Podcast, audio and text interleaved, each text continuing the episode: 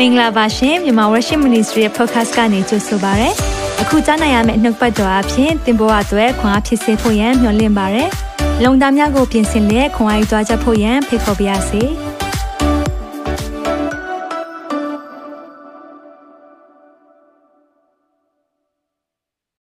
မင်္ဂလာပါဒီနေ့မှာလည်းရောက်စီတိုင်းကိုပြန်လဲဆုံတွေ့ခွင့်ပေးတဲ့ဘုရားရှင်နာမတော်အထူးပဲချီးမွမ်းတယ်ဘုရားရှင်အရန်ကောင်းမြတ်ပါတယ်အာမင် ဘုရားရှင်ကောင်းမြတ်ပါတယ်လို့ဝန်ခံပေးပါအောင်เนาะကျွန်တော်တို့ဘုရားရှင်ကောင်းမြတ်ပါတယ်လို့ဝန်ခံပေးပါအောင်ဘာကြောင့်လဲဘုရားရှင်ကတကယ်ကောင်းမြတ်တာဖြစ်တယ်ဒီနေ့မှာလည်းဘုရားရှင်နာမ၌မိသားစုတွေ online မှာဆုံတွေ့ခွင့်ရတယ်ဒီနေ့တော့ live ဖြစ်တယ်အာတခြားနေ့တွေတော့ကျွန်တော်တို့တွေဒီဆန်နဲ့ရှမရဲ့10နှစ်ပြည့်မင်္ဂလာသက်တမ်းနဲ့ကျွန်တော်တို့အနားယူတာဖြစ်တယ်ဒါပေမဲ့လန်းဆန်းချင်းတဲ့ဖခင်ကပို့ဆောင်တယ်ကျွန်တော်တို့အတွက် လက်ဆောင်တွေပို့ပေးကြတဲ့အရာအတွက်ကျေးဇူးတင်တယ်ပြီးရင်အာသတင်းစကားတွေမှာစာရင် wish လုပ်တဲ့အရာတွေအားလုံးအတွက်ကျေးဇူးတင်တယ်ဆိုတာကိုလည်းဒီနေ့ပြောပြချင်တယ်ဖျာရှင်နာမ၌ရောက်စီတိုင်းကိုပြန်လဲကြိုးဆိုတယ်ကျွန်တော်နာမည် David Kim ဖြစ်တယ်မြန်မာ Worship Ministry International ကိုသင်ကြည့်ရှုနေတာဖြစ်တယ်ကျွန်တော်တို့က Australia နိုင်ငံ Brisbane Logan area မှာနေတာဖြစ်တယ်ဒါကြောင့်မလို့ဒီကနေဓာတ်ရိုက်အတန်လွှင့်နေတာဖြစ်တယ်မိတ်ဆွေကိုဒီနေ့မှာကောင်းသော ဒီဇင်ဘာဖြစ်ပါစေကောင်းသောခရစ်စမတ်ဖြစ်ပါစေလို့နှုတ်ဆက်ပါတယ်ဒီနေ့ကတော့လက်ဆောင်ဆိုတဲ့ Christmas series ရဲ့နောက်ဆုံးနေ့လည်းဖြစ်တယ် လက်ဆောင်ပညာရှိတွေသခင်ယေရှုကိုတွေ့တဲ့အချိန်မှာလက်ဆောင်၃ခုယူလာတယ်။အဲဒီ၃ခုအကြောင်းကိုကျွန်တော်တို့အကျယ်တဝင့်ဆွေးနွေးနေကြတာဖြစ်တယ်။ဒီနေ့ကတော့အဲဒီလက်ဆောင်၃ခုတည်းကနောက်ဆုံးတစ်ခုရွှေအကြောင်းကိုဟောပြောသက်သေခံတော်မှာဖြစ်တယ်။ဒါကြောင့်အားလုံးအစဉ်သင့်ဖြစ်ပြီဆိုရင်ဝန်ခံနေကြနှုတ်ပတ်တော်ကိုဝန်ခံရင်းနဲ့အစီအစဉ်ကိုဆက်လက်သွားရအောင်။ 119ခုမြောက်သောဆာလံကျမ်းပိုင်ငယ်105နှုတ်ကပတ်တော်သည်အကျွန်ုပ်ခြေရှိမှမိခွက်ဖြစ်၍ကျွန်ုပ်လန်ကီကိုလင်းစေပါ၏တစ်ခါလောက်ဝန်ခံပါအောင်နှုတ်ကပတ်တော်သည်အကျွန်ုပ်ခြေရှိမှမိခွက်ဖြစ်၍ကျွန်ုပ်လန်ကီကိုလင်းစေပါ၏ဒီနေ့နှုတ်ပတ်တော်ရရဲဆိုရင်သင်ရဲ့လန်လင်းမဲ့နေ့လည်းဖြစ်တယ်အာမင်ကျွန်တော်နှုတ်ပတ်တော်အတွက်ခဏလောက်အနံ့ရအောင် သက်ရှင်သောထာဝရမြတ်စွာသောဘုရားသခင်ကိုရောကိုယေရှုတင်ပါတယ်ဒီနေ့မှာကျွန်တော် online ကနေ live ကနေနှုတ်ပတ်တော်ဝင်ကားခွင့်ရလို့ယေရှုတင်တယ်ဘုရားရှင်နာမတော်သားကြီးဘုန်းကြီးပါစေခရစ်စမတ်ကာလမှာညီသက်ခြင်းလိုနေတဲ့သူတွေပေါ်မှာကိုရောရဲ့ညီသက်ခြင်း ဝမ်းမြောက်ခြင်းပျောက်နေတဲ့မိသားစုတွေမှာကိုရောရဲ့ဝမ်းမြောက်ခြင်းတက်ရောက်ပါမိကြောင်းဆုတောင်းကောင်းကြီးပေးပါရယ်ဒီနှုတ်ဘတ်တော်အရှင်ကိုကြိုးစိုးပါရယ်နေရာပေးပါရယ်ဖိတ်ခေါ်ပါရယ်ရွှေဆိုတဲ့လက်ဆောင်နဲ့ပတ်သက်ပြီးတော့ကျွန်တော်တို့ဟောပြောမှာဖြစ်ပါတယ်ဒီအရာအားဖြင့်ကျွန်တော်နှုတ်ဘတ်တော်ကိုတာ၍နားလေယုံတာမကနှုတ်ဘတ်တော်အရှင်ကိုတာ၍သိရှိပြီးတော့ကျွန်တော်သက်တာမှာနှလုံးသားထဲမှာနေရာပေးနိုင်တော်သူများဖြစ်စေပါသခင်ယေရှုရဲ့မြတ်တော်နာမ၌စက္ကန့်နဲ့ဆုတောင်းကြပါ၏ဖာ အာမင်အာမင်အာမင်ဒီနေ့နှုတ်ပတ်တော်ကိုကျွန်တော်တို့အတူတူကလေ့လာသွားရအောင် The Gift Let's Sound ဆိုတဲ့ series ရဲ့ episode 3နောက်ဆုံးပိုင်းဖြစ်တယ်ရှေ့မှာနှစ်ခုပြောပြီးပြီဖြစ်တယ်။ကြွေလွတ်သွားခဲ့ရဆိုရင်ဂျေစုပြည့်ပြန်ပြီးနားထောင်မှာဒီလက်ဆောင်၃ခုကပညာရှိသောသူတွေကသခင်ယေရှုကိုပေးတော်သူအရာဖြစ်တယ်လို့သင်နဲ့ကျွန်တော်ဟာပညာရှိသောသူဖြစ်တယ်ဆိုရင်ဒီရဲ့လက်ဆောင်တွေအကြောင်းကိုအသေးစိတ်နားလည်ဖို့လိုတယ်။ ဆိုတော့ဒီနေ့အုပ်ဆိုးပိုင်သူဆိုတဲ့ခေါင်းစဉ်လေးနဲ့ဟောသွားမယ်အုပ်ဆိုးပိုင်သူအရှင်မတဲ့နှစ်ကိုအခြေခံပြီးတော့ပြောနေတာဖြစ်တယ်ဒါကိုတစ်ခေါက်လောက်ပြန်ပြီးတော့ဖတ်ကြည့်အောင်အငယ်ကိုကနေဖတ်ခြင်းနဲ့ထိုသူတို့သည်မင်းကြီးစကားကိုနားခံပြီးလျင်ထွက်သွားကြ၏အရှိပီနိုင်မြင်ရသောခြေသည်သူတို့ရှိကသွားသဖြင့်သူငယ်တော်ရှိရာအရက်ပေါ်သို့ရောက်၍ဒီလျက်နေ၏တဲ့ဆိုတော့သူတို့လို့ပြောတဲ့အခါမှာဒါပညာရှိတွေကိုပြောတာဖြစ်တယ် မာကုပညာရှိတွေအရှိပီကနေတို့ကကျဲမြင်တယ်အဲ့ဒါကို King Star လို့ခေါ်တယ်ဘရင်ကျဲအဲ့ဘရင်ကျဲကိုမြင်တော့သူတို့ကယူရာပီကိုရောက်တဲ့ခါမှာယူရာရှင်ပီမွေးတယ်လို့ပဲထင်ပြီးတော့နန်းတော်ကိုသွားလိုက်တယ်ဒါမဲ့တကယ်တော့နန်းတော်မှာမွေးတာမဟုတ်ပဲね Noah Square မှာမွေးတာဖြစ်နေနန်းတော်မှာဘာကြောင့်မမွေးတာလဲနန်းတော်မှာမွေးရင် Noah Square အစ်စ်မဲရှိတဲ့သူတွေကဖူးတွေ့ခွင့်ရမှာမဟုတ်ဘူးနောက်ဆုံးပြောမယ်ဆိုရင်တော့အောက်ခြေသိမ်းလူတွေ ကိုးကွယ်ခွင့်ရမှာမဟုတ်ဒါကြောင့်မလို့နှိမ်ကြတယ်လို့ထင်ရပေမဲ့နွားဆွက်မှာမွေးတာဟာသင်နဲ့ကျွန်တော်လိုလူတွေအတွက်အခွင့်အရေးဖြစ်သွားတယ်ဟာလေလုယာဒါကြောင့်ထိုးကျဲကိုမြင်ပြန်တော့အခါဆိုဒီကျဲကအမြဲတမ်းရှိနေတာမဟုတ်ဘူးဒါမဲ့သခင်နောက်ကိုလိုက်တယ်ဆိုရင်တစ်ခါလေးမှလေကျွန်တော်တို့သက်တာမှာဟာငါတို့ကျဲပြောက်သွားပြီဘာလို့လို့ဘာခံရမှမသိဘူးမဟုတ်ဘူးနော်သူတို့ယုံကြည်ခြင်းနဲ့ဆက်ပြီးလှမ်းသွားတယ် သင်ရဲ့သက်တာလည်းဖခင်ထုံနည်း၎င်းပဲယုံကြည်ခြင်းနဲ့ရှေ့ဆက်လှမ်းသွားဖို့ဖခင်လိုတော့ရှိတယ်။ဒါ အဲကြောင့်မလို့ကိုဘွားမှာကျေပြောက်သွားတယ်ဆိုတော့ကိုကို guiding လုပ်နေတဲ့သူတွေကိုကိုညွန်ပြတဲ့သူတွေဘေးမှာမရှိနိုင်တော့ဘူးဆိုရင်စိတ်ဓာတ်မကြနဲ့စိတ်မပြတ်နဲ့ယုံကြည်ခြင်းနဲ့ဆက်လန်းသွားပါအဲ့ဒီကျေကိုပြန်မြင်တယ်ပြန်ပေါ်လာတဲ့ခါမှာဟာအယံဝမ်းသာတဲ့ခါမှာအိမ်တို့ဝင်တယ်။ North Square မဟုတ်တော့ဘူးเนาะဒီအချိန်မှာအိမ်ကိုရောက်နေပြီ။ ဒါကြောင့်သခင်ယေရှုဟာ toddler ဆိုတာနှစ်နှစ်အောက်အရွယ်လောက်ရှိပြီလို့ခံမှန်းရတယ်။မေရိုမာတီတဲ့တကွာ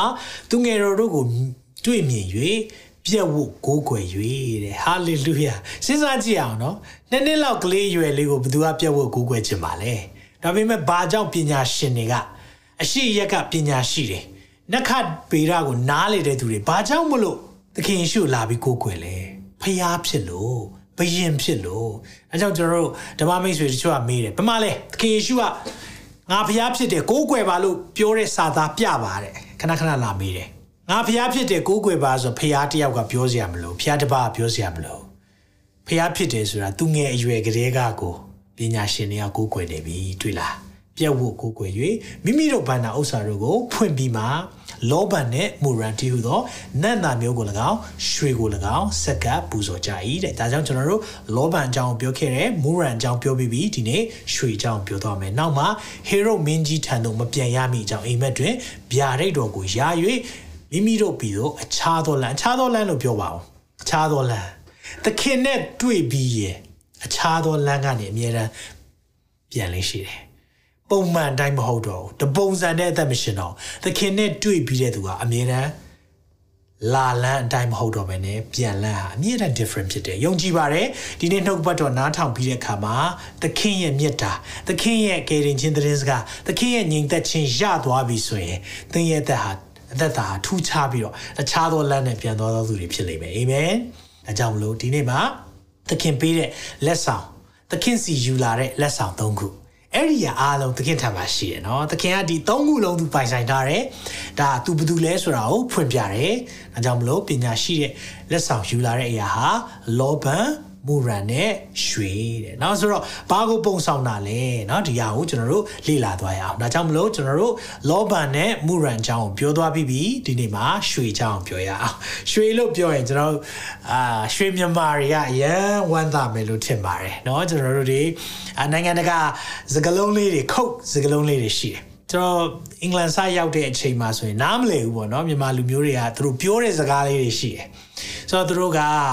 ဥမာအာယိုရီးယားနော်ထိုင်းတွေကိုတွေ့ရင်ဒါရပ်ပလက်လို့ပြောတယ်ပြီးရင်ကမ်ဘောဒီးယားဆိုကကြီးလို့ပြောတယ်အဲ့လိုမျိုးပေါ့နော်ဆိုတော့အာဂျပန်တယောက်တွေ့ရင်ကငယ်တယ်ကိုရီးယားဆိုကကြီးတယ်ဆိုတော့သူတို့မှာအဲ့လိုကုတ်ဝတ်လေးတွေရှိတာပေါ့နော်ဆိုတော့လူမဲတွေကြတော့ငမဲတယ်ဆိုတော့အမေရိကမှာဆိုရင်ဒီ Mexican တွေဆိုရင်ပဲတယ်အဲ့လိုခေါ်တယ်ဆိုတော့ဒါလေးတွေသူတို့နားမလည်မဲ့စကားလေးတွေနဲ့ပြောတာပေါ့နော်ကိုကိုကိုကြတော့ဘယ်လိုပြောလဲ ရွှေတဲ့ မလို့မပြောဟုတ်လားဗမာဆိုဘာကုန်းတို့ဘာတော့မပြောရွှေတဲ့ကိုကိုကြရွှေရမ်းကြိုက်တယ်နော်ရွှေကိုအရမ်းကြိုက်တာဆိုတော့ကျွန်တော်တို့ကဘယ်သူနဲ့တူသွားလဲဆိုဖះနဲ့လည်းတူသွားပါတယ်နော်ဖះလည်းရွှေကြိုက်ပါတယ်နော်ကျွန်တော်တို့ရောက်မဲ့ကောင်းကင်နိုင်ငံမှာရွှေလန်းခင်းထားပေးတယ်တဲ့နော်ရွှေဆိုတဲ့အရာကဖះလည်းကြိုက်နေတတ်တယ်ဘာကြောင့်လဲဆိုတော့ရွှေဆိုတဲ့အရာတန်ဖိုးသိကြီးတယ်နော်ငွေထက်ရွှေကပိုပြီးတန်ဖိုးကြီးတယ် ဆိုတော့ရွှေကလှလဲလှပါတယ်ဆိုတော့ရွှေကိုကျွန်တော်တို့ကြိုက်တယ်အဲ့ဒီရွှေရဲ့ဒီရဲ့ပုံဆောင်ချက်လေးကိုလည်းကျွန်တော်နားလဲစေချင်တယ်အော်မီလားမြန်မာပြည်မှာကြည့်ကြည့်လိုက်နော်ကျွန်တော်တို့ဖះဇေဒီတို့တီထားရင်ဘာပဲတွေ့ရလဲရွှေပဲတွေ့ရတယ်ဘာကိုပြောချင်တာလဲမြင့်မြတ်တဲ့နေရာမြင့်မြတ်တဲ့အရာနော်ဒါမမဟုတ်ရင်ဖျားနဲ့ဆိုင်တဲ့အရာဆိုရင်အမြဲတမ်းရွှေနဲ့ခိုင်းတိုင်းလေးရှိတယ်အော်ဘူးကောင်းတယ် အဲဆိုတော့ဗြိဉ္ဉ်သက်တာဆိုရင်လည်းရွှေနဲ့ပဲကုတ်ထားတာရွှေနဲ့ပဲလှုပ်ထားတာပြီးရင်ရွှေဆိုတဲ့အရာကဘာကိုပြလိမ့်ရှိလဲဆိုတော့ wealth ဆိုရဲချမ်းသာကြွယ်ဝခြင်းကိုပြတယ်ပြီးရင် power ဆိုရဲတကူးကြီးခြင်းကိုပြတယ်ပြီးရင် status ဆိုတော့ကျွန်တော်တို့အဆင့်တန်းတစ်ခုကိုလည်းပြတယ်နော်ဆိုတော့ရွှေနဲ့ကြီးနဲ့ကမတူဘူးဆိုတော့ကြီးတွေကိုဘယ်သူမှသိမဝစ်ကြအောင်ရှောလမုန်မင်းလက်ထက်မှာဆိုရင် ကြေးတွေငွေတွေဆိုရင်တန်ဖိုးမရှိတဲ့အရာဖြစ်သတ်မှတ်တယ်တဲ့ရှောလမုန်မင်းကြီးလက်ထက်မှာဆိုရွှေပဲရွှေတွေတီးတဲ့နောက်ပိတ်မှန်တော့မှာထားတယ်။ဘာကြောင့်လဲ။ရွှေဆိုတဲ့အရာဒီခုနားလေးစေချင်တယ်။ It's a symbol of divinity ဆိုတာမြင့်မြတ်ခြင်းကိုပုံဆောင်တယ်တနည်းအားဖြင့်သခင်ယေရှုကိုရွှေပေးတယ်ဆိုတာဘာကိုပြောတာလဲသိလားမြင့်မြတ်တော်သူတန့်ရှင်းတော်သူအာနာတကိုးကြီးတော်သူပြီးရင်ပါလေ အုပ်ဆိုးပိုင်သူလို့ပြောတာအုပ်ဆိုးပိုင်သူဒါကြောင့်ရွှေပေးတယ်လို့ပြောတဲ့အဓိပ္ပာယ်ကသခင်ယေရှုသင်ဟာဘယင်ဖြစ်တယ်လို့ပြောလိုက်တာအာမင်သခင်ယေရှုကဘာတူလဲဘယင်လို့ပြောလိုက်တာပထမလောဘံကိုပေးတယ်သခင်ယေရှုကဘာဖြစ်နိုင်တာလဲမှတ်မိကြမလားသခင်ယေရှုကိုယစ်ဘရောဟိတ်အရာဖြစ်ဒါခိုင်းနိုင်တာဖြစ်တယ်ပြီးရင်မူရန်မူရန်ဆိုအနာရောဂါငြိမ်းစေတဲ့ဆေးလည်းဖြစ်တယ်တနည်းအားဖြင့် ကျွန်တော်တို့ဒဏ်ရာဒဏ်ချက်နဲ့ခံသွားမယ်သိုးတငယ်ကိုလည်းပုံဆောင်တယ်ဆိုတော့ယစ်ဘရောဟိတ်အဖြစ်ပညာရှိတွေကသခင်ယေရှုသတ်မှတ်တယ်ပြီးရင်သိုးတငယ်ဖြစ်တတ်မှတ်တယ်ဒီနေ့မှာရွှေရပါလေ။အိုးဆိုးပိုင်သောဘယင်အဖြစ်သတ်မှတ်တယ်။ဒါကြောင့်ဝန်ခံပါအောင်။သခင်ယေရှုသည်အိုးဆိုးပိုင်သောဘယင်ဖြစ်တယ်။ဟာလေလုယာ။အိုးဆိုးပိုင်သောဘယင်ဖြစ်တယ်။အိုးဆိုးပိုင်သောဘယင်။ အိုးဆိုးပိုင်သောဘယင်။ဒါကြောင့်မလို့သခင်ယေရှုဟာဘယင်ဖြစ်တယ်ဆိုတာကိုကျွန်တော်တို့သုံးပိုင်းနဲ့လေ့လာသွားရအောင်။သခင်ယေရှုဟာဘယင်ဖြစ်တယ်ဆိုတာနောက်ဆိုကျွန်တော်ဘယင်ဖြစ်တယ်ဆိုတဲ့အရာဟိုတမန်ကျမ်းစာကကြိုပြီးလဲပြောထားတယ်ကျွန်တော်သဘောကျတဲ့ပါတီလေးတစ်ခုရှိတယ်အဲ့ဒါဘာလဲဆိုတော့ဟို gender reveal party ဆိုတာရှိတယ်ဆိုတော့ကိုဝင်ဆောင်မိခင်တွေအခုနောက်ပိုင်းပေါ့နော်ခစ်စားတာသူကယောက်ျားလေးမွေးမလားမိန်းကလေးမွေးမလားဆိုကျွန်တော်ငယ်တော့ဆိုမသိရအောင် နော် ultrasound ရိုက်တာမရှိတော့ဒါယောက်ျားလေးလားမိန်းကဆေးပညာအဲ့လောက်မဖြစ်ထွန်းသေးတော့မသိရအောင်မသိတဲ့အခါမှာသူတို့ကမွေးတဲ့နေ့ကြမှာသိတယ် မွေးတဲ့နေ့ကြပါဒါကြောင့်တို့ကတခါလေးဆိုရင်ဟိုနာမည်ဆောင်နှမျိုးသတ်မှတ်ထားတယ်နှမျိုးသတ်မှတ်ထားတာပေါ့နော်အာယောက်ျားလေးမွေးခဲ့ရင်ဒီနာမည်ပေးမယ်မိန်းကလေးမွေးခဲ့ရင်ဒီနာမည်ပေးမယ်အာကျွန်တော်မိဘတွေကကျွန်တော်ဘာမွေးမလဲမသိတော့တို့နာမည်တောင်မထားထားအောင်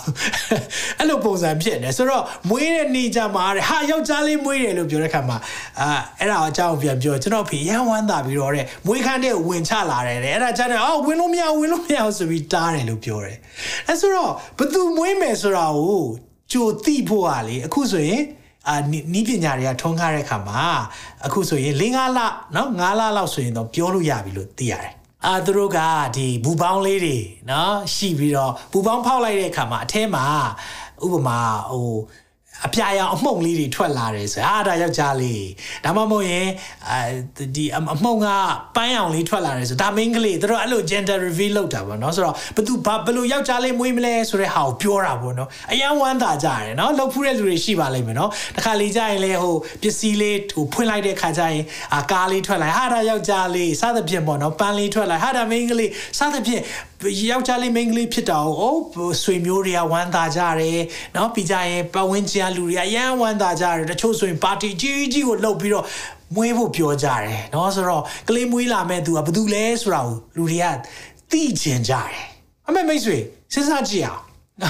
နှစ်ပေါင်း900လောက်ကြိုပြောမယ်ဆိုပါစို့ဟေးသားယောက်ျားမွေးလိုက်မယ်ဒါပေမဲ့အဲ့သားယောက်ျားကထူးခြားတာ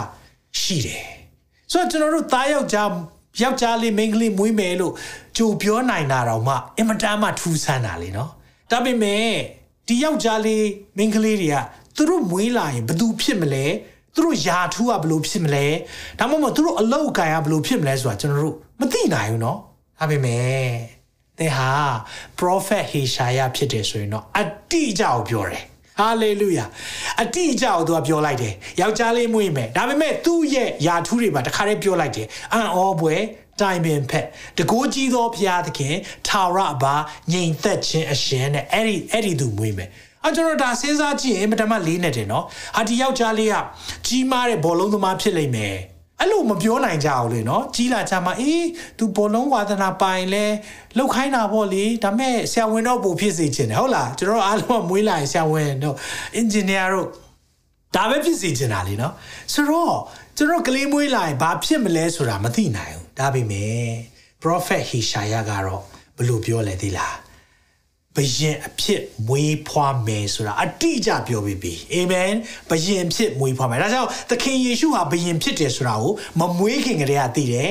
အဲကြောင့်ဒီနေ့ကျွန်တော်တို့ပထမအချက်အနေနဲ့ဘယင်အဖြစ်မွေးဖွားတယ်ဆိုတဲ့အရာကိုကျွန်တော်တို့ကြည့်ရအောင်ဆိုတော့ဟေရှာယ9ထဲမှာဒီလိုပြောတယ်အကြောင်းမူကားအငယ်6မှာအကြောင်းမူကားငါတို့ဖို့သူငယ်ကိုဖွားမြင်၏ငါတို့အားသားကိုသနာတော်မူ၏သူငယ်မွေးမယ်သားယောက်ျားဖြစ်မယ်တခါတည်း gender reveal လုပ်လိုက်ပြီ ဒါပေမဲ့အဲ့ဒီမှာပဲမပြီးသွားပဲနဲ့တခါတည်းအတိအကျပြောလိုက်တယ်ထို့သူသည်အုပ်ဆိုးခြင်းအာဏာဇက်ရှိမယ်။ဒါကြောင့်ဒီနေ့နှုတ်ပတ်တော်ကောင်းစဉ်ကအုပ်ဆိုးပိုင်သူအုပ်ဆိုးခြင်းအာဏာဇက်ရှိလိမ့်မယ်။ authority ရှိမယ်နော်။ဒီတယောက်က तू ကဘယ်လိုလူမျိုးလဲ။အံ့ဩပွဲတိုင်ပင်ဖက်တကူကြီးတော့သူ့ရဲ့နာမတော်ဆိုသူဂုံပုတ်တွေပါတခါတည်းပြောလိုက်တယ်။အောပွဲတိုင်ပင်ဖက်တကိုကြီးသောဖျားသခင်သာရဘငြိမ်သက်ခြင်းအရှင်ဟုခေါ်သမုတ်ခြင်းကိုခံရတော်မူလိမ့်မည်ဟာလေလုယာ ဒီနေ့အသက်ရှင်တဲ့ဖျားကပဲဒီလိုမျိုးဖော်ပြနိုင်တာဒါ prophet Hishaya သိတော်ပြီးတော့ကြိုတင်ခတ်မှန်းသွားတာမဟုတ်ဘူးနှစ်ပေါင်း900ကြိုကြိုတင်ပြီးတော့ prophet ပြုတယ်ဆိုတာဖျားစီရစကားကြားမှာပဲ လုပ်လို့ရတာဖျားပြောတာကဘာမတိမရှိမီကတည်ရှိတဲ့ဖျားဖြစ်တယ်ဟာလေလုယာအစ alpha omega အဆုံးလည်းဖြစ်တယ် alpha နဲ့ omega ဆိုအစအဆုံးသိတဲ့ဖျားဒါကြောင့်ဖန်ဆင်းရှင်ကိုဘယ်သူဖန်ဆင်းလဲမိတ်ဆွေအဲ့မိခွန်းကိုရှာနေဆိုပြောပြမယ်ဖန်ဆင်းရှင်ကိုဖန်ဆင်းလို့မရဘူးဖန်ဆင်းရှင်မှာဆိုသူကိုယ်၌ကဖန်ဆင်းတော်သူဖြစ်တယ်သင်မေးခွန်းမေးနေတာကကြီးရှိမှဘာရှိလဲပြောဆိုတာနဲ့တူနေတယ်။ကကြီးရှိမှဘာမှမရှိတော့ကကြီးကအစပဲ။ အာမင်။ဒါကြောင့်မလို့ဒီနေ့ဒီမှာဘသူဖြစ်မလဲ။ဒါဝိမင်းဤယာဇပလင်ပေါ်မှာထိုင်ရင်ဘယင်လို့ပြောလိုက်တာ။ဒါဝိဟာဘယင်ဖြစ်တယ်။အဲ့ဒီမင်းမျိုးမင်းနွယ်ဖြစ်မယ်။နိုင်ငံတော်ကိုနောင်ကာလအစင်မပြတ်။နောင်ကာလအစင်မပြတ်ဆိုတော့သူ့ရဲ့နိုင်ငံဘယ်တော့မှမဆုံးဘူးတဲ့။တရားတော်အတိုင်းဘလို့စီရမလဲ။ဖြောက်မှတ်စွာစီရ၍အမြဲတည်စေတော်မူမိကြောင်းအာနာတော်တိုးတက်ခြင်းနဲ့ငြိမ်သက်တော်မူခြင်းသည် နေဆအမြဲရှိလိမ့်မယ်အမြဲရှိမယ်အမြဲတည်နေမဲ့သူဖြစ်တယ်ဒီလိုဘယင်မျိုးရှိမလားနော်ကျွန်တော်တို့နေမဝင် emperors လောက်ခဲ့တဲ့ဗြိတိရှနန်းဆက်တောင်မှာနေဝင်သွားပြီအကဘာမှာတက်တန်းအကြာဆုံးဆိုတဲ့ဟာနှစ်ပေါင်းတရာမပြည့်ဘူးအုပ်ချုပ်တာဘယင်တယောက်ကဒါပေမဲ့ဒီယာဇပလင်မှာထိုင်မဲ့တယောက်ကတော့လေနောင်ကာလအစင်ပြတ်အုပ်ချုပ်မယ်အားကြောင့်ဝန်ခံပါအောင်ယေရှုသည် မနေ့ယနေ့နောင်ကာလဘယင်ဖြစ်တယ်လို့ဝန်ခံပါအောင်ဟာလေလုယာဒါကြောင့်မလို့ဒီမှာ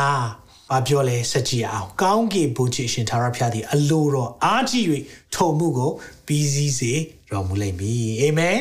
ဖခင်ကအလိုတော်အားကြီးတယ်ဆိုတာဖခင်ရဲ့ဆန္ဒအတိုင်းဖြစ်ရလိမ့်မယ်ဒါကြောင့်မလို့ကျွန်တော်တို့ဒီမှာမြင်တွေ့တဲ့အခါမှာဘယင်ဖြစ်တယ်ဘယင်ဖြစ်တယ်ဘယင်ဖြစ်တယ် အဲကြောင့်မမွေးခင်ကလေးကဘယင်ဖြစ်တယ်ဆိုတာကိုခြုံပြီးတော့ပြောထားပြီးပြီဒါကြောင့်ဒါကြောင့်မလို့ရွှေလာပေးတာလေဘယင်ဖြစ်တယ်လို့လာတီးပြတာနှစ်ပေါင်း900ကြိုပြောထားလားပြောထားတယ်ဘယ်မှာမွေးမလဲကြိုပြောလားပြောတယ်ဘယ်လိုပုံစံမွေးမလဲပြောလားပြောတယ်အဲ့ဒီအရာကို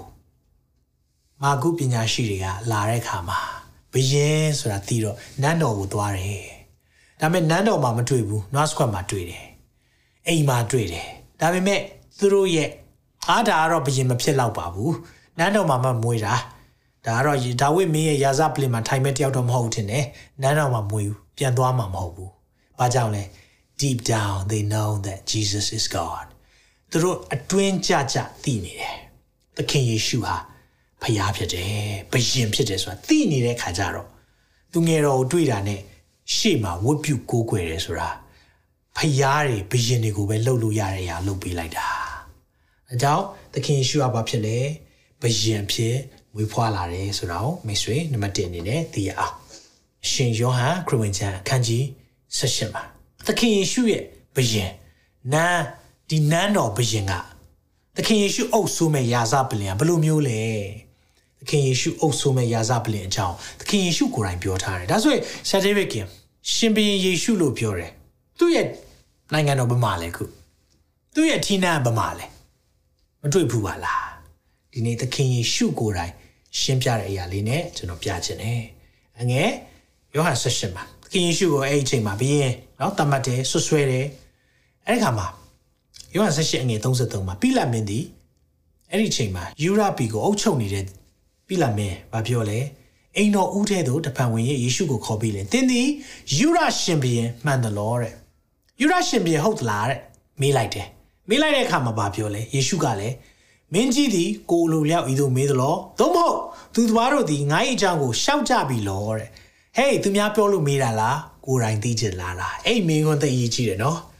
ဒီနေ့ဒီမှာနားထောင်နေတဲ့သူတွေအားလုံးလည်းပြောပြချင်တယ်သူများပြောလို့မေးတာလားသခင်ယေရှုကရှင်ပြန်ဆိုတာကိုယ်တိုင်သိချင်တာလားကိုယ်တိုင်သိတဲ့ဘုရင်ဖြစ်ဖို့လိုတယ်နော်ကိုယ်တိုင်မသိဘူးဆိုရင်တင်သူများက တန်တရားထည့်ပြီးရင်လှုပ်ခါသွားလိမ့်မယ်ဟာယေရှုကဘုရင်မဟုတ်လေဘယ်မှာလဲသူ့နိုင်ငံအော်အေးဆရာပတိကပြဘာကြောင့်လဲသိလားတင်ကိုယ်တိုင်သခင်ယေရှုဟာရှင်ဘုရင်ဖြစ်တယ်ဆိုတာကိုကိုယ်တိုင်မသိမချင်းကိုယ်တိုင်မရှာမဖွေမချင်းသူများပြောတဲ့စကားနဲ့သိလွတ်မျောသွားလိမ့်မယ်ဒါပေမဲ့ကိုယ်တိုင်သိချင်တာလားတဲ့ပြီးလက်မင်းကငါတွေယူလာလူဖြစ်တယ်လို့ငါဂျူးဟုတ်လို့လားတဲ့တင်းဤလူမျိုးနဲ့တကွာယစ်ဘရဟိတ်ကြီးတို့သည်တင့်ကိုငါလက်၌အကြပြီးတင်းဒီအဘယ်သို့ပြုမိတယ် မင်းကငါ့ကိုတကယ်တော့ဂျူးတွေကအပ်တာဘာလုပ်တယ်လဲခမရဘာလုပ်လဲဘာကျူးလွန်တာလဲယေရှုကအဲ့မှာပြောလိုက်တဲ့စကားငါဤနိုင်ငံသည်ဤလောကနဲ့မဆက်ဆိုင်ဟာလေလုယာငါနိုင်ငံဒီလောကနဲ့မဆိုင်ဘူးတဲ့လောကနဲ့မဆိုင်ဘူးသခင်ရဲ့နိုင်ငံကငါဤနိုင်ငံသည်ဤလောကနဲ့ဆက်ဆိုင်လျင်ငါသည်ယူဒလူတို့လက်သို့မရောက်စေခြင်းကငါဤလူတို့သည်တိုက်လှန်ကြလိမ့်မည်တဲ့တွေ့လား အကယ်၍သာငါလောကဘယင်ဆိုရင်တော့ငါမှာတပည့်တပန်းနေဟာငါအခုလိုလက်နစ်လက်ထဲရောက်ဖို့ပြီးလက်မင်းခမည်းလက်ထဲကျွန်တော်ရောက်မှာမဟုတ်ဘူးကျွန်တော်နောက်လိုက်တဲ့လူတွေကတော်လန်ပုံကန်ကြမှာယခုမူကငါဤနိုင်ငံသည်ဤဒေသရဲ့နဲ့မဆက်ဆိုင်ဟုမိန်တော်မူ၏ဟာလေလုယာသခင်ပြောတဲ့နိုင်ငံကဘာလဲထာဝရတည်မြဲမယ်ကောင်းကင်နိုင်ငံကိုပြောနေတာ hallelujah his kingdom is not worldly his kingdom is heavenly ဖခင်ရဲ့နိုင်ငံဟာကောင်းကင်နဲ့ဆိုင်တယ်လောကနဲ့မဆိုင်ဘူးဒါကြောင့်ဖခင်ရဲ့နိုင်ငံတော်ဟာဘာလဲဘယင်ဘယင်လို့ပြောပြောနေတာဘာမှလဲလောကနဲ့ဆက်ဆိုင်တဲ့ဘယင်မဟုတ်ဘူးစัจ java နဲ့ဆက်ဆိုင်တဲ့ဘယင်ဖြစ်တယ်ဟာလေလုယာဒါကြောင့်မလို့မိတ်ဆွေဒီနေ့နားလည်စေချင်တယ်သခင်ယေရှုဟာဖွားမြင်ကလေးကဘယင်ဖြစ်ဖွားမြင်တယ်ဆိုတာကိုမိတ်ဆွေနဲ့ကျွန်တော်သိဖို့လိုတယ်နောက်တစ်ချက်ကြည့်အောင်ဘယင်အဖြစ်မွေးတယ်ပြီးရင် ဘယင်ဖြစ်အသေးခံတယ်ဘလို့ဖြစ်တာလဲဘယင်ဖြစ်အသေးခံတယ်ဆိုတာနှုတ်ပတ်တော်နဲ့ကြည့်အောင်ရှင်ယောဟန်16မှာပဲခုနဇလိုင်းအောက်မှာပဲအငယ်30ခွန်မှာပြီးလက်မင်းကလည်းတို့ဖြစ်လင်တင်းဒီရှင်ဘီရင်မှန်တယ်လို့ဒါဆိုရင်ခမရဲ့နိုင်ငံကလောကနဲ့မဆိုင်ဘူးဆိုရင်ထပ်မေးလိုက်တယ်ဒါဆိုခမရှင်ဘီရောဟုတ်သလားတဲ့မေးတော့ယေရှုကကြည့်ကြည့်အောင်ကျွန်တော်မြင်နေတဲ့တားထားပေးတယ်မင်းကြီးမေးသည့်အတိုင်း ငါသည် ရှင်ဘီရင်မှန်၏ဟုတ်တယ်ဘီရင်ဖြစ်တယ်ဘီရင်ဖြစ်မွေးလာတယ်ဘယင်ဖြစ်အသေးမခံခင်လေးမှာဘယင်ဖြစ်ကြောင်းပြောသွားတယ်။တမန်တရားဖက်၌တက်သေးခံခြင်းကတမာတရားဖက်မှာတက်သေးခံဖို့တယ်နော်တမာတရားဖက်၌တက်သေးခံခြင်းကငါသည်မွေးဖွားခြင်းကိုခံ၍ဤလောကသို့ကြွလာပြီးတမာတရားနှင့်ဆက်ဆိုင်ဆက်ဆိုင်သမျှသော သူတို့သည်ငါစကားကို နားထောင်ကြသည် တမာတရားနဲ့ဆက်ဆိုင်တဲ့သူပဲယေရှုစကားကိုနားထောင်တယ်။ဒါကြောင့်ယေရှုစကားနားထောင်တဲ့သူတွေကဘာတူလဲ။တမာတရားနဲ့ဆက်ဆိုင်တော်သူတွေ။တမာတရားကိုသိချင်တယ်။ဒါကြောင့်မလို့အခုချိန်မှာလေတခြားလူတွေကိုသိပြောလို့မရဘူး။ယေရှုကရှင်ပြန်ဖြစ်တယ်ဆိုရင်နားမထောင်ချင်ဘူး။အားကြောင့်လေတမာတရားနဲ့မဆက်ဆိုင်တဲ့သူတွေကသခင်ယေရှုစကားကိုနားမထောင်ဘူး။အဲကြောင့်မလို့နော်တမာတရားနဲ့ဆက်ဆိုင်တဲ့သူတွေပဲဒီရဲ့နှုတ်ကပတ်တော်ဒီကျမ်းစာကိုလိုက်ရှောင်သက်ရှင်တယ်အာမင်အဲဒီမှာကြည့်တဲ့အခါမှာဘာတွေ့ရလဲ ပြီးလက်မင်းကလည်းတမာတရားကအဘယ်သို့နည်း what is truth တမာတရားဆိုတာဘာလဲဒါပေမဲ့ तू အဲ့ဒီမှာမေးရက်သွားတာမဟုတ်ဘူး तू အဲ့ဒီမေးခွန်းဆက်မမေးဘူးရက်သွားပြီးတော့ဗာပြောလဲတပန်ယူရလူလိုရှိအောင်ထွက်၍ဤသူ၌ကအဘယ်အပြစ်ကိုမှငါမတွေ့အပြစ်မရှိဘူးဒီတယောက်ဘယင်ဖြစ်တယ်လို့ပြောတာအပြစ်မရှိဘူးတဲ့မှန်တာဗောအပြစ်မဲ့တဲ့ သူတင်းနဲ့ကျွန်တော်ရဲ့အပြစ်တွေကိုယူတင်ဆောင်ရွက်မဲ့သူလေသူကိုယ်တိုင်အပြစ်ရှိလို့အသေးခါရတာမဟုတ်ဘူးအပြစ်မရှိဘူးနော်ဒီမှာကြည့်ပါအပြစ်မရှိဘူးနော်တဲ့ဟာလေလုယာအပြစ်မရှိဘူးလို့ပြောတဲ့အခါမှာဒီမိတ်ဆွေနားလေးစေခြင်းတယ်ဘယင်အဖြစ်အသေးခံတယ်ဆိုတဲ့အရာတမန်ကျမ်းစာထဲမှာပြောတယ်လို့သခင်ယေရှုကိုယ်တိုင်ကသူဘယင်ဖြစ်တယ်လို့ဝန်ခံတယ်နော်သူဘယင်ဟုတ်တယ်တဲ့စကြည်အောင်ယောဟန်19မှာဒီအကြောင်းကို ခရစ်ဝင်ကျမ်း၄ခုလုံးမှာပြောထားတယ်။နော်မာမာသဲမာကုလုကတခြားနေရာတွေမှာလည်းကျွန်တော်ကျမ်းကျော်လေးထည့်ထားပေးတယ်။အဲ့မှာဆက်ကြည့်အောင်။ယောဟန်19ထဲမှာအငယ်16မှာကိုရောဒီမိမိလဝါကတိုက်ကိုထိုင်းရင်လျက်ဥကောင်းကွန်အရက်အဲ့ဒါဂေါဂေါသာလို့ခေါ်တယ်။အရက်ဟူ၍တွင်သောအရက်သို့ထွက်တော်မူ၏ထိုအရက်ကဟေပြဲနော်ဂျူးလို့ဟေပြဲစကားနဲ့ဂေါလာဂေါသာလို့ပါတယ် ထိုရက်၌ကိုရောကိုအခြားသောသူနှစ်ယောက်နဲ့တကွာဆိုတော့ဒါဒီနှစ်ယောက်နဲ့သခိုးဓမြကြားထဲမှာသေမယ်ဆိုတော့ဟေရှာယနှစ်ပေါင်း900ကျုပ်ပြောတဲ့ဟာလေအဲ့မှာပြည်စုံတယ်လဝါကရိုင်မှာရိုက်ထားကြပြီထိုသူနှစ်ယောက်အလဲမှာယေရှုသည်နေရာကျသည်သူတို့နှစ်ယောက်လဲမှာရှိနေတယ်ပြီးလမင်းသည်လည်းကပီးလိပ်စာကိုရေး၍လဝါကတိုင်တော်၌တက်လေအမဘသူလဲဘသူသေးတာလဲဆိုတာကိုရေးပေးလိုက်တယ်အဲ့ဒီရေးပေးတဲ့လိပ်စာ ရေးလိုက်တဲ့စာကိုကြည့်အောင်လိပ်စာချက်ဟုမူကားယူဒရှင်ဘီယံဖတ်ကြည့်အောင်တို့ကယူဒရှင်ဘီယံနာဇရက်မြို့သားယေရှုဟုရေးထားတဲ့တဲ့အဲ့လိုရေးထားတာတဲ့နော်ယူဒရှင်ဘီယံနာဇရက်မြို့သားယေရှုအဲ့ဒီဟာကိုဘယ်လိုရေးလိုက်လဲအငယ်20မှာပြောထားတယ်ယေရှုကိုလဝါကတိုင်းမှာရိုက်ထားသောအရက်သည်မြို့နှင့်နီးသည်ဖြစ်၍ထိုလိပ်စာကို ဟေဘဲဘာသာဟေလသဆို Greek လို့ရေးတာဟေလသဘာသာယောမ Roman နဲ့ရေးတယ်ဘာသာစကား၃ခုနဲ့ရေးထားတယ်ဘာကြောင့်လဲလူတွေအများကြီးရှိတယ်အဲ့ဒီအချိန်မှာယောမခစ်ဖြစ်တဲ့ခါမှာယောမစကားကိုယောမစာသင်ရတယ်ဒါပေမဲ့အဲ့ဒီယောမခစ်မတိုင်ခင်မှာဟေလသ Emperor ရှိခဲ့တာပေါ့နော် Greek Emperor သူတို့ရဲ့စာပေတွေအရင်ထွန်းကားတဲ့ခါမှာလူတိုင်းက Greek စကားပြောတတ်တဲ့အဲ့ဒီအချိန်မှာ ဟေဘဲဘာသာ၃ခုလုံးနဲ့ရေးထားတယ်တဲ့အဲ့ဒါမှယူရာယစ်ယစ်ဘရာဟီအကြီးကဲတွေကဘာသာရေးဆရာတွေက no no no no ရှင်ဘရင်လို့မရေးပါနဲ့သူတို့ရှင်ဘရင်မဟုတ်ဘူးတဲ့ပြောတဲ့အခါမှာပြီးလက်မင်းကအငယ်20ငယ်မှာငါရေးပြီးတော့အရာကိုငါရေးပြီးတဲ့ it is what it is ရေးပြီးသွားပြီရေးပြီးသွားပြီဘာကြောင့်အဲ့လိုရေးပြီးသွားပြီလို့ပြောတာလဲမွေးကလေးကဘရင်ဖြစ်မွေးခဲ့တယ်ပြီးရင်သေတော့လဲဘရင်ဖြစ် သေသွားတယ်ဒါကိုသူအော်အေးအဲ့လိုမင်းတို့မကြိုက်လို့ပြန်ဖြတ်ပေးမယ်မဟုတ်ဘူး။ဘာကြောင့်အဲ့လိုမျိုးရေးလိုက်လဲ။ယူဒာရှင်ဘီရင်ဖြစ်ကြောင်းကိုအတီးပြုပေးလိုက်တာ။ပြီးလက်မင်းကအတီးပြုပေးလိုက်တာ။ဟာလေလုယာ။ဒါကိုကျွန်တော်တို့နားလည်ဖို့ဖြစ်တယ်နော်။ဒါကြောင့်ကျွန်တော်တို့တွေသိသွားတဲ့အခါမှာနံပါတ်1သခင်ယေရှုဟာဘယင်ဖြစ်မွေးဖွားလာတယ်။နံပါတ်2သခင်ယေရှုဟာဘယင်ဖြစ်အသေးသက်ခြင်းကိုခံတယ်အသေးခံတယ်။ နံပါတ်3ချက်နောက်ဆုံးချက်ကိုကျွန်တော်တို့ကြည့်အောင်။အဲ့ဒီနံပါတ်3ချက်ကပါလဲ။ဘယင်ဖြစ်ပြန်လာမယ် hallelujah the king is coming လို့ပြောပါအောင် the king is coming the king is coming ဘယင်ပြန်လာမှာ ကျွန်တော်တို့ကဟိုးတည်သွားပြီးအယိုးဆွေးသွားတဲ့ဖះကိုကိုးကွယ်နေတာမဟုတ်ဘူးဟုတ်တယ်သုံးရက်မြောက်သောနေ့မှာရှင်ပြန်ထမြောက်ပြီးပြီဟုတ်တယ်တည်သွားတယ်ဒါပေမဲ့ပြန်လဲရှင်ပြန်ထမြောက်တယ်ဟုတ်တယ်ရှင်ပြန်ဖြစ်မွေးတယ်ရှင်ပြန်ဖြစ်သေးတယ်ဒါပေမဲ့ဒီတစ်ခါမိတ်ဆွေကိုတည်စေချင်တယ်ရှင်ပြန်ဖြစ်လဲပြန်လာအောင်မယ်ရှင်ပြန်ဖြစ်ပြန်လာအောင်မယ်ဒီတစ်ခါလာမှာတိုးတငယ်မဟုတ်တော့ဒီတစ်ခါလာမှာရှစ်ဘရဟိအနေနဲ့လာတော့မှာမဟုတ်ဒီတစ်ခါပြန်လာတာ the king is coming the king is coming ရှင်ပြန်ဖြစ်လာတော့မှာမိတ်ဆွေဒါကြောင့်မိတ်ဆွေနားလည်ဖို့လိုတယ်ဒီတစ်ခါရှင်ပြန်ဖြစ်ရင်တော့သူဟာအုပ်ဆိုးပိုင်တော်သူဖြစ်တယ်နော်ဒါကြောင့်ရှင်ပြန်ဖြစ်ပြီဆိုရင်တော့သင်ဟာသူ့ရဲ့ပြည်သူပြည်သားဖြစ်လားဆိုတာသင်နဲ့ကျွန်တော်နေဟာတေချာပေါက်တည်ထားဖို့လိုပြီရှင်ပြန်ဖြစ်တယ်အာမင်ဘလို့လာမလဲဗျာဒိတ်ဆက်ကိုမှာရှင်ပြန်အနေနဲ့ဘလို့လာမလဲအတိအကျပြောထားတယ် မြင်းဖြူစီးတော်သူတဲ့ဒါဗျာဒိတ်6ထဲကမြင်းဖြူစီးတဲ့တယောက်မဟုတ်ဘူးနော်အယောင်ဆောင်ခရစ်တော်အယောင်ဆောင်နဲ့ antichrist မဟုတ်ဘူးနော်တကယ်ဘယင်စစ်စစ်ကဘလို့လာမလဲအငယ်7မှာရှိအောင်ထိုအခါကောင်းကင်ဘုံဖွင့်လင်းလျက်ရှိရှိသည်ကိုငါမြင်လင်မြင်းဖြူရှိ၏မြင်းစီးသောသူသည်မြင်းစီးတဲ့သူရဲ့နာမည်ပါပြောထားလဲသစ္စာဟုသောအမည်တမာဟုသောအမည်ပြန်ပြောကြည့်ပါဦးသစ္စာဟုသောအမည်တမာဟုသောအမည်တစ်ခါတော့ သစ္စာဟူသောအမည်တမာ faithful and true မိတ်ဆွေပတ်ဝန်းကျင်လူတွေသစ္စာပေါက်သွားလားစိတ်မပြတ်နဲ့သင်ကိုးကွယ်တဲ့သခင်ယေရှုဟာသစ္စာရှိသောဘုရားဖြစ်တယ်ဟာလေလုယာသင်ပတ်ဝန်းကျင်သူတွေတမန်တရားမရှိဘူးလိမ့်ခြင်းတယ်ဒါပေမဲ့သင်ကိုနားလဲစေခြင်းတယ်ရှင်ပြန်ယေရှုဟာလေတမန်တမန်ရှိသောတမန်တရားဖြစ်တယ်သူကို၌ကောတမန်တရားဖြစ်တာဟာလေလုယာဒါကြောင့်စိတ်ရမကြနဲ့စိတ်မပြတ်နဲ့ သင်ဘေးကလူတွေသစ္စာမရှိဘူး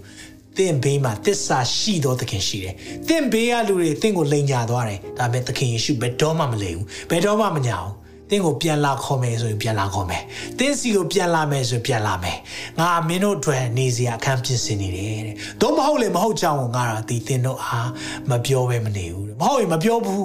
။ဟာလေလုယာ။သင်တို့နေစရာရက်ကိုပြင်ဆင်ပြီးမှငါပြန်လာမယ်အာမင် အဲ့လောက်ချစ်ဖို့ကောင်းတယ်ဖေဟာအဲ့လိုဂတိပေးတယ်ဖေဟာလောကမှာမတွေ့ဘူးဘူးမတွေ့ဘူးဘူးဒီဖခင်တပါးတည်းရှိတယ်သူ့နာမည်ကသခင်ယေရှုခရစ်တော်ဖခင်ဖြစ်တယ်ဟာလေလုယာဘလို့ပြန်လာလဲကြည့်ရအောင်ထို့သူသည်တရားသဖြင့်စီရင်တတ်၏တရားသဖြင့်စစ်တိုက်တတ်၏အိုးသူ့ရဲ့စီရင်ခြင်းနေဘာကြောင့်လဲတရားတယ်ဆိုရင်မတရားမှုကိုရှင်းပြမှာဘလို့ရှင်းပြမလဲမျက်စိတော်သည်မိဒီယံကဲသို့ဖြစ်၏ခေါင်းတော်ပေါ်မှာတရဖူများကိုစောင်း၏ကိုယ်တိုင်မှတပါ အဘယ်သူမျှမသိတော့နာမတော်သည်ရေးထားလျက်ရှိ၏အသွေး၌နှစ်ပြီးသောအဝတ်ကိုဝိဤပြောချင်တာကလဝါကားတိုင်းမှာအသိခံခြင်းကိုပုံဆောင်တယ်ဖျားသခင်ဤနှုတ်ကပတ်တော်ဟူသောအမိရှိစကြအောင်ကောင်းကင်ဘုရားတို့သည်ညင်းပြူစီလဲအဲ့ဒီကောင်းကင်ဘုရားထဲမှာသင်တဲ့ကျွန်တော်ပါလာပါသို့တမဲ့မင်္ဂလာဆောင်ပြီးသွားပြီ နှစ်တစ်ထောင်အုပ်ဆိုးခြင်းအတွက်သခင်ယေရှုပြန်လာတဲ့အချိန်မှာအဲ့ဒီကောင်းကင်ဘိုးချီတွေစင်ကြယ်သောပိတ်ဖြူချောပိတ်ချောဖြူကိုဝတ်ပြီးတော့နောက်တော်သူလိုက်တယ်သခင်နောက်ကိုလိုက်တဲ့သူဖြစ်ပါစေနော်အဲ့ဒီအချိန်မှာပါတဲ့အချိန်မှာပါပါစေလူမျိုးတို့ကိုဒဏ်ခတ်ဆရာဖို့ထက်သောတန်လျက်သည်ခဒင်းတော်ထွဲကထွက်၏သူတို့ကိုတန်လန်တော်နဲ့အုပ်ဆိုးတော်မူ၏တရားသောဘုရင်ဖြစ်တဲ့အခါမတရားမှုကိုဒီတိုင်းမကြည့်တော့ဘူးတန်လှန်တဲ့နဲ့ဆိုတာသူ့ရဲ့အာနာတော်ဇက်ကို တည်မြဲစေမယ်ဆိုတဲ့အကြောင်းကိုပြောတာဖြစ်တယ်။အနန္တတကုနဲ့ပြည့်စုံတော်မူသောဘုရားသခင်၏ဒေါသအမျက်တော်သည်စပြစ်သီးနေရာတစားကိုဖိနှင်းတော်မူသည်။ဘယင်တို့၏ဘယင်ပြောပါအောင်။ဘယင်တို့၏ဘယင်နောက်တစ်ခေါက်လောက်ဘယင်တို့၏ဘယင်သခင်တို့၏သခင်ပြောပါအောင်။သခင်တို့၏သခင်၏ဟု ဘွဲ့နာမတော်သည်အဝတ်တော်၌၎င်းပေါင်တော်၌၎င်းရေးထားလျက်ရှိ၏ဟာလေလုယာဘုရင်တကာတို့ရဲ့ဘုရင်အရှင်တကာတို့ရဲ့အရှင်သူပြန်လာမဲ့အရာကိုဒီနေ့မှာပြောထားတယ်မိတ်ဆွေဒီနေ့သူဟာဘုရင်ဖြစ်မွေးဖွားကြောင်းကိုကြိုပြောတယ် Prophet Hishaya ကနှစ်ပေါင်း900ကျော်တော့ကြိုပြောတယ်ပြီးရင်ဘယင်ဖြစ်အသေးခံသွားတယ်အသေးမခံခင်မှာမင်းဘယင်လားတဲ့ပြီးလာမြင်မိတော့ဟုတ်တယ် ဒါပေမဲ့ငါနိုင်ငံတော်ကဒီလောကနိုင်ငံတော်မဟုတ်ဘူးအာမင်ဒါပေမဲ့ဘယင်ဖြစ်ကောပြန်လာအောင်မလားပြန်လာမှာသခင်ယေရှုဟာဘယင်ဖြစ်ပြန်လာတော့မယ်မိတ်ဆွေဒီရဲ့မျှော်လင့်ချက်ကျွန်တော်တို့ပဲရှိတယ်ခရိယန်နေမှာပဲဒီယုံကြည်ချက်ရှိတာခြားပါတာမှာတော့ကောင်းတာလှုပ်လိုက်လေတရက်ကြရင်တော့နိဗ္ဗာန်ရောက်ကောင်းရောက်နိုင်မယ်ဘယ်သူမှအာမခံချက်မပေးနိုင်ဘူးဒါပေမဲ့သခင်ယေရှုကတော့အာမခံချက်ပေးတယ်ဒီအရာကိုဖော်ပြခြင်းတဲ့အခါမှာ မာကုပညာရှင်တွေကအရှိပီကနေနှစ်နှစ်နီးပါခရီးထွက်လာပြီးတော့သခင်ယေရှုကိုလာတွေ့တဲ့ချိန်မှာရွှေအုပ်ဆိုးပိုင်သူဖြစ်တယ်။ဒါကြောင့်မလို့အုပ်ဆိုးခြင်းကိုဝန်ခံတယ်ဆိုပြီးမလုပ်ကြလဲ။ဝယ်ကြတယ်။မိတ်ဆွေသခင်ယေရှုဟာအုပ်ဆိုးပိုင်သူလို့တဲ့ယုံကြည်တယ်ခံယူတယ်ဆိုရင်ဒီနေ့မှာမလုပ်ရမလဲ။ဝိပုကိုခွဲရမယ်။ သခင်ယေရှုကိုဝိပုကိုခွဲရမယ်။ဒါကြောင့်မလို့ပညာရှင်တွေလူဆောင်လာတဲ့လက်ဆောင်၃မျိုးကသခင်ယေရှုကိုဘသူဖြစ်လဲဆိုတော့ပုံဖော်တယ်နံပါတ်1တစ်ခုဟာလောဘန်ယေဘရဟေလို့ပုံဖော်တယ်မူရန်ပေးတာဟာသိုးငယ်ဖြစ်တယ်လို့ပုံဖော်တယ်ရွှေပေးတာဟာဘယင်ဖြစ်တယ်လို့ပုံဖော်တယ်ဒါကြောင့်သခင်ယေရှုဟာယေဘရဟေမင်းကြီးလည်းဟုတ်တယ်သိုးငယ်လည်းဟုတ်တယ်ဘယင်လည်းဖြစ်တယ်ဟာလေလုယာနာမတော်မူကားအောက်အောပွဲ တိုင်ပင်ဖက်တကိုးကြီးသောဖျားသခင်သာရပါငြိမ်သက်ခြင်းအရှင်ဟာလေလုယာမိတ်ဆွေဒီသခင်ကိုသခင်သင်ရထားပြီးပြီလားဒီနေ့ခရစ်စမတ်ကိုကျွန်တော်တို့မျှော်နေကြတယ်ခရစ်စမတ်ရောက်တော့မယ်ရက်ပိုင်းအနေငယ်တွင်ပါပဲဘာလဲဆောင်ရမလဲသင်မျှော်နေတယ်ဒါမှမဟုတ်ရင်ဒီချိန်မှာသင်ကိုဘူးမှလက်ဆောင်ပေးမယ်သူမရှိလို့ဝမ်းနေနေတယ်ဆိုရင် သင်ကိုလေဖျားပေးတဲ့လက်ဆောင်လေးနဲ့ဒီနေ့မှာပေးခြင်းတယ်အဲ့ဒီလက်ဆောင်သင်လိုချင်လားလိုချင်တယ်ဆိုရင်ဒီနေ့ comment ရေးပါအောင်လက်ဆောင်လိုချင်ပါတယ် I want the gift what is that gift အဲ့ဒီလက်ဆောင်နာမည်လေးရှိတယ်အဲ့ဒီလက်ဆောင်ဟာယောဟန်3:16မှာဒီလိုပြောထားတယ်ဘုရားသခင်သားတော်ကိုယုံကြည်သောသူပေါင်းတို့သည် ဖြစ်စည်းခြင်းသို့မရောက်သာရအသက်ကိုရစေခြင်းက ဘုရားသခင်သည်မိမိ၌တပါးသီးသောသားတော်ကိုစွန့်တော်မူသည့်တိုင်အောင်လောကီသားတော်ကိုချစ်တော်မူ၏လက်ဆောင်လိုချင်တဲ့သူတွေလက်ဆောင်ရှိတယ်အဲ့ဒီလက်ဆောင်ကထာဝရအသက်တဲ့အဲ့ဒီထာဝရအသက်ထာဝရအသက်ဆိုဘယ်တော့မှမသေးတော့ဘူးဘတော့မှမနာတော့ဘယ်တော့မှမအိုတော့အဲ့ဒီလက်ဆောင်ရှိတယ်ဒါကြောင့်ကျွန်တော်တို့ကဒီနေ့ဒီလောကအတွက်သက်ရှင်နေသူတွေမဟုတ်ဘူး တမလွန်နောင်ရေးအတွက်စိတ်ချတော်သူများဖြစ်တယ်ဒါကြောင့်စိုးရိမ်စရာမရှိဘူးနိုင်ငံရေးအခြေအနေမကောင်းကိစ္စမရှိဘူးနိုင်ငံတော်ကတော့အခြေအနေသိပ်ကောင်းတယ်ဟာလေလုယာပညာရေးအခြေအနေမကောင်းစီးပွားရေးပြတ်နေတယ်ဒါပေမဲ့နိုင်ငံတော်ဟာအမြဲချမ်းသာတယ်ဖခင်သခင်ရဲ့နိုင်ငံတော်ဒီလိုနေပြီအကြောင်းအဲ့ဒီလက်ဆောင်ကတခြားမဟုတ်သခင်ယေရှုခရစ်တော်ဖြစ်တယ်ခရစ်မတ်ခရစ်မတ်လို့သင်ကြားကြားနေလိမ့်မယ်အဓိပ္ပာယ်ကပါလဲ Christ for mass လူဒုအတွက်ခရစ်တော်ခရိယန်တွေအတွက်ပဲမဟုတ်ဘူးယုံကြည်သူတွေအတွက်ပဲမဟုတ်ဘူးတလောကလုံးလူသားတွေအတွက်သခင်ယေရှုဖွားမြင်တာဖြစ်တယ်သူဖွားမြင်တဲ့အချိန်မှာဘယင်ဖြစ်ဖွားမြင်လာတယ်သူအသေးခံတဲ့အခါမှာဘယင်ဖြစ်အသေးခံသွားတယ်ဒါပေမဲ့သူဟာမကြာတော့မဲ့အချိန်မှာဘယင်ဖြစ်ပြန်လာတော့မယ်မိတ်ဆွေအဲ့ဒီဘယင်ကိုကိုးကွယ်ခြင်းနဲ့ ဘယင်ပေးမဲ့လက်ဆောင်လိုချင်တယ်ဆိုရင်ကျွန်တော်ဒီနေ့ဆူတောင်းပေးခြင်းနဲ့ရိုးရှင်းတဲ့ဆူတောင်းချက်ဖြစ်တယ်ဒါပေမဲ့သင်ရဲ့နှလုံးသားထဲကနေယုံကြည်ပြီးတော့ဆူတောင်းမယ်ဆိုရင်သင်ဟာသာဝရအသက်ကိုဒီကနေ့မှာရမှာဖြစ်တယ်ဟာလေလုယာအဲကြောင့်လက်ဆောင်လိုချင်တဲ့သူတွေသာဝရအသက်ဖျားပေးဖို့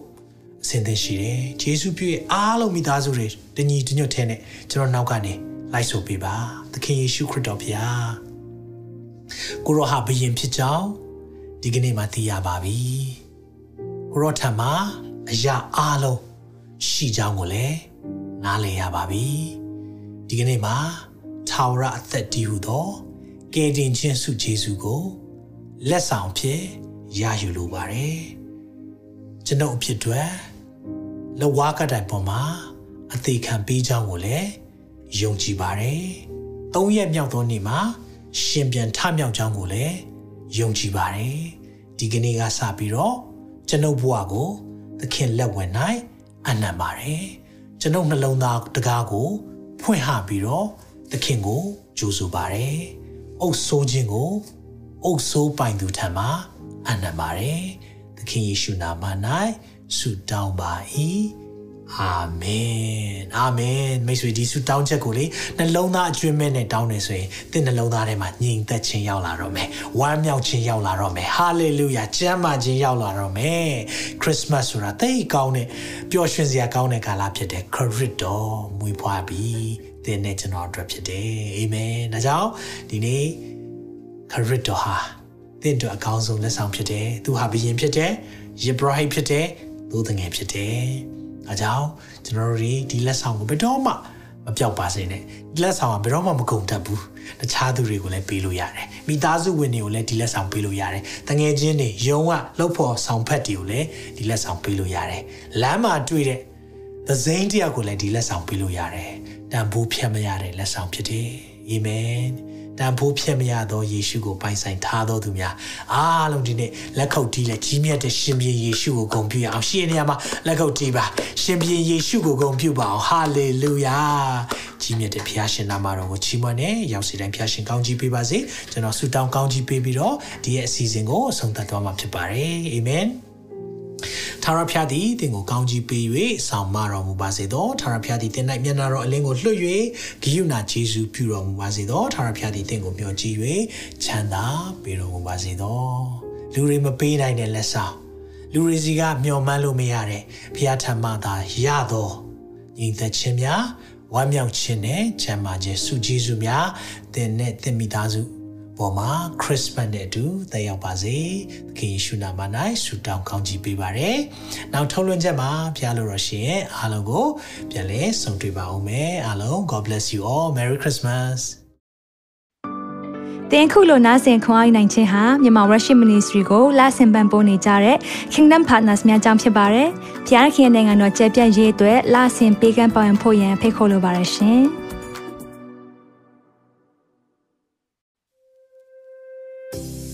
ခုကြားနာခဲ့ရတဲ့နှုတ်ပတ်တော်အဖြစ်ခွန်အားရရှိမဲ့လို့ယုံကြည်မျှော်လင့်ပါတယ်။ခွန်အားရဆိုလို့ရှိရင်ဒီတစ်ပတ်နဲ့ပြန်လည်ဝင်မြပေးဖို့ရန်တောင်းဆိုပါရစေ။မြန်မာ Worship Ministry ရဲ့ website myanmarworship.com ကိုလည်းလာရောက်လေ့လာဖို့ရန်တက်ဖိတ်ခေါ်ချင်ပါတယ်။တချိန်ထဲမှာမြန်မာ Worship Ministry ရဲ့ social media platform များဖြစ်တဲ့မြန်မာ Worship YouTube Channel, မြန်မာ Worship Facebook Page နဲ့မြန်မာ Worship Instagram များကိုလည်းလာရောက်လေ့လာဖို့ရန်အတွက်ဖိတ်ခေါ်ချင်ပါတယ်။နောက်တစ်ကြိမ်မှာပြန်လည်ဆုံတွေ့ကြပါစို့ဖျားရှင်ကောင်းကြီးပေးပါစေ။